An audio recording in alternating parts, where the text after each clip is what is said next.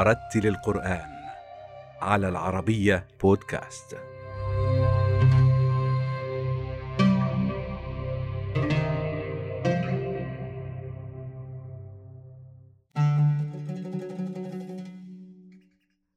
ولد الشيخ علي يوسف في موزمبيق وانتقل إلى مالاوي للعيش في منطقة مانغوتشي المسلمة وفيها التحق بعدد من المدارس الإسلامية لتعلم اللغة العربية وحفظ القرآن الكريم ورغم الظروف القاسية والحروب الأهلية التي عصفت ببلاده أصر على طلب الرزق وتلقي العلوم الشرعية وهذا ما دفعه إلى الهجرة إلى جنوب إفريقيا حيث يعمل مدرسا للقرآن الكريم.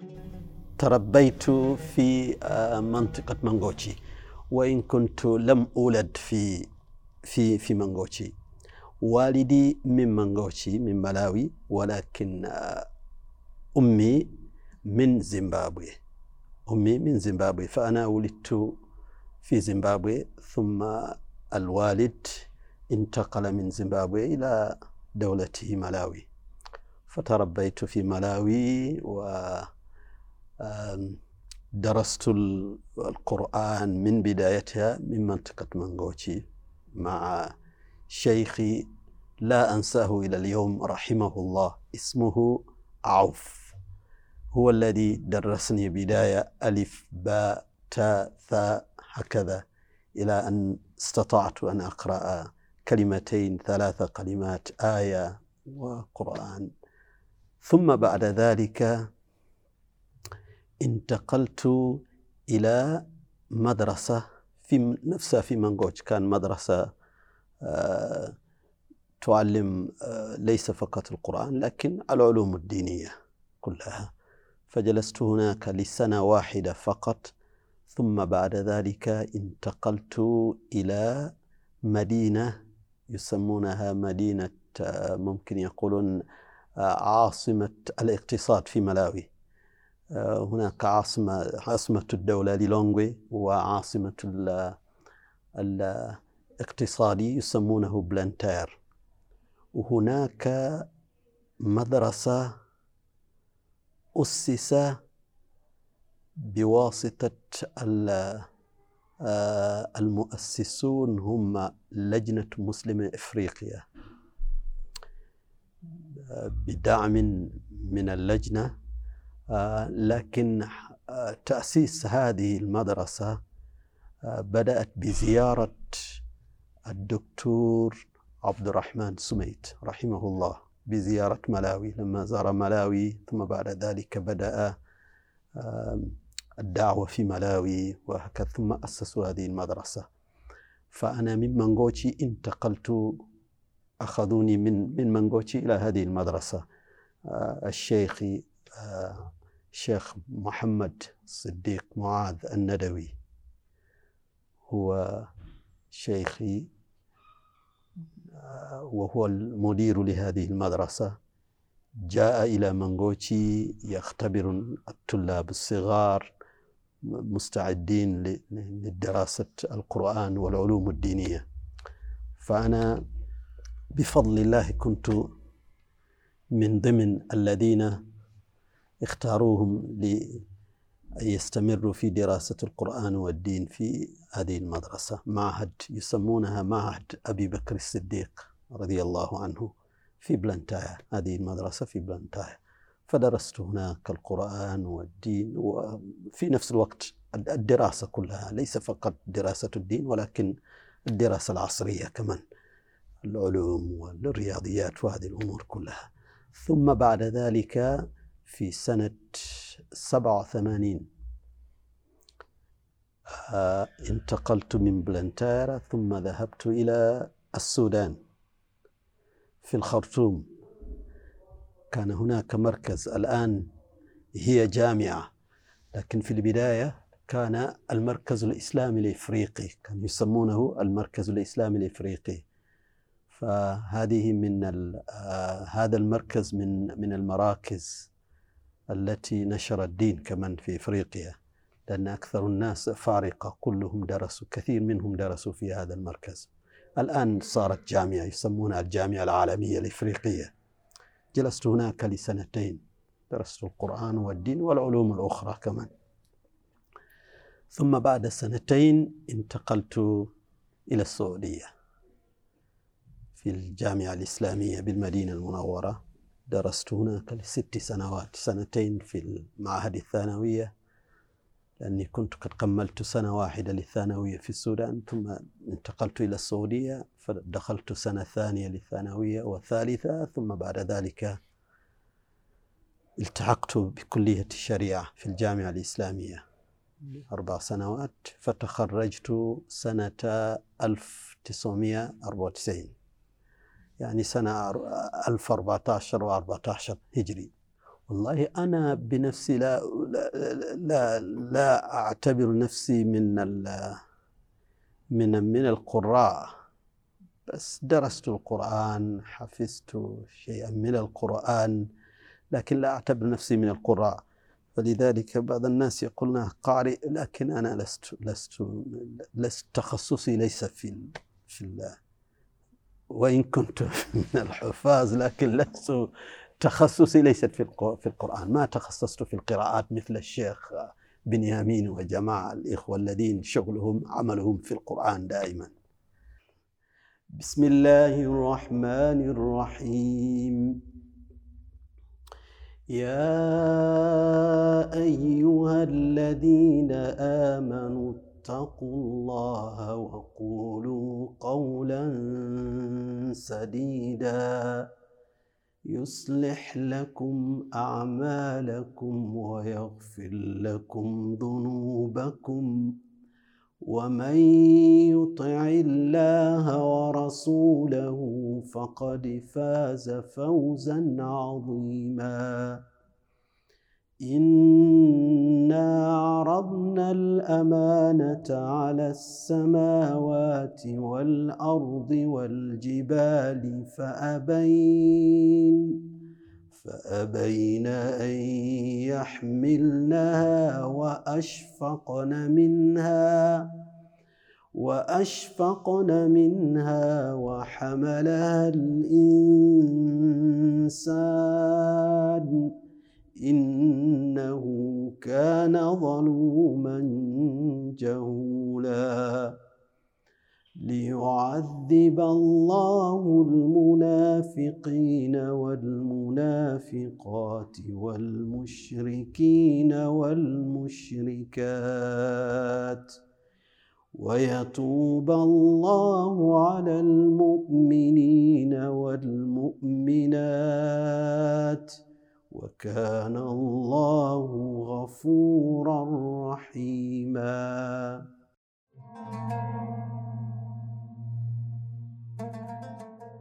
أتاح التطور الاقتصادي الذي تعيشه جنوب إفريقيا وانتشار المساجد في مختلف مدنها وقراها مع تعايش للأفارقة والأسيويين أتاح لعدد كبير من القراء والحفظه من دول الشرق الإفريقي الانتقال والعيش ومن بينهم الشيخ علي يوسف الذي يقبل على دروسه العشرات من الأفارقة. ملاوي تقع في وسط شرق إفريقيا. نقول هكذا وسط شرق إفريقيا ملاوي.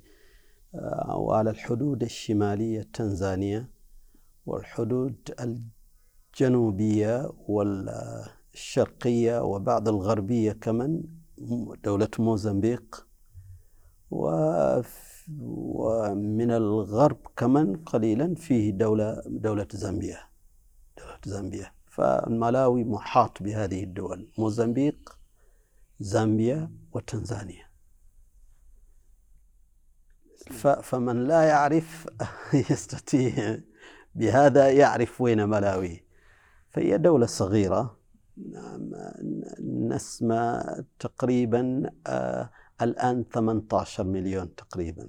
نعم.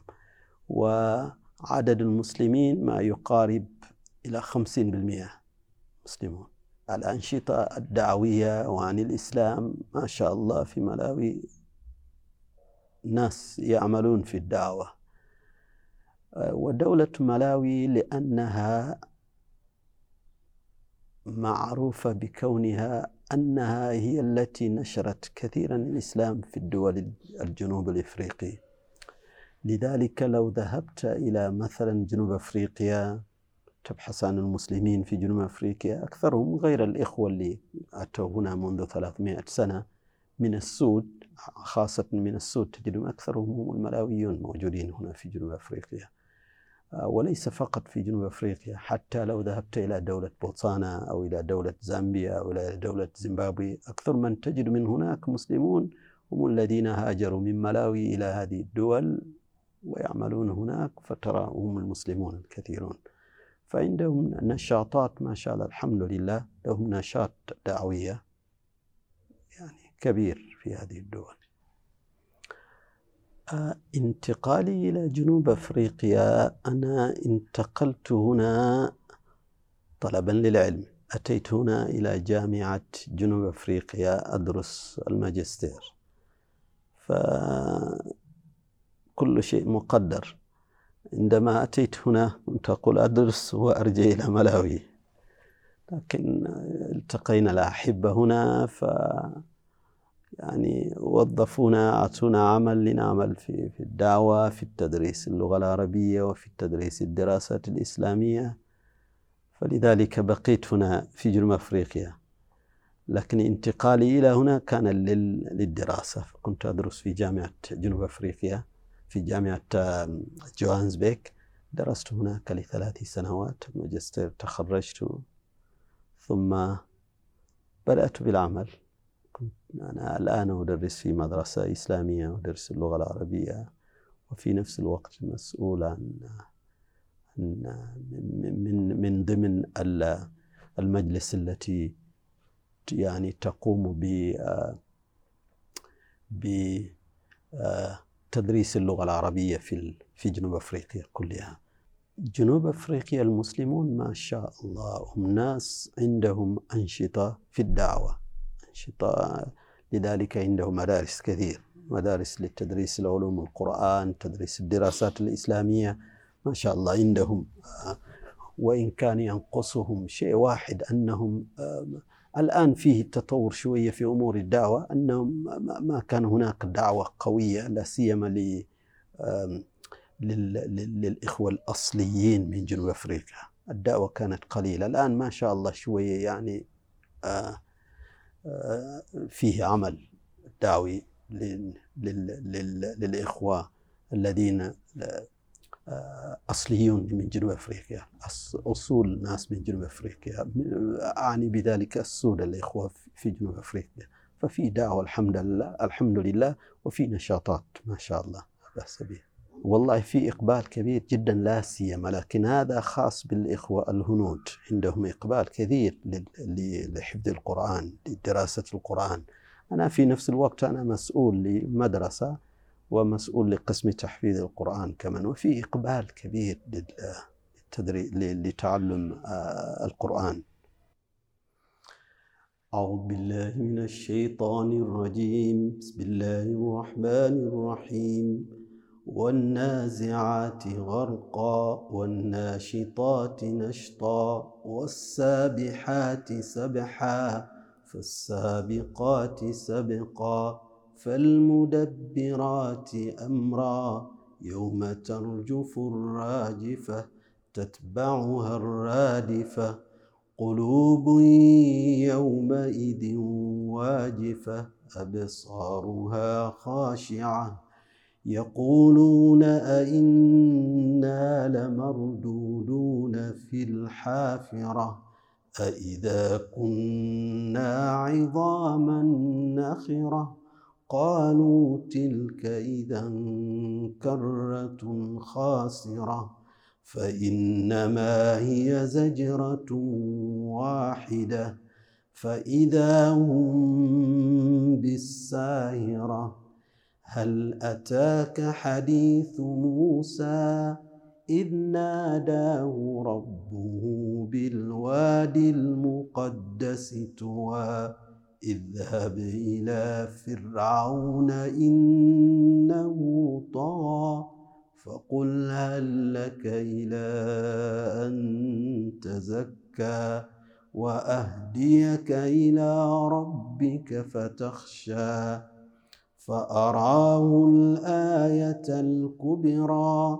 فكذب وعصى ثم أدبر يسعى فحشر فنادى فقال أنا ربكم الأعلى فأخذه الله نكال الآخرة والأولى.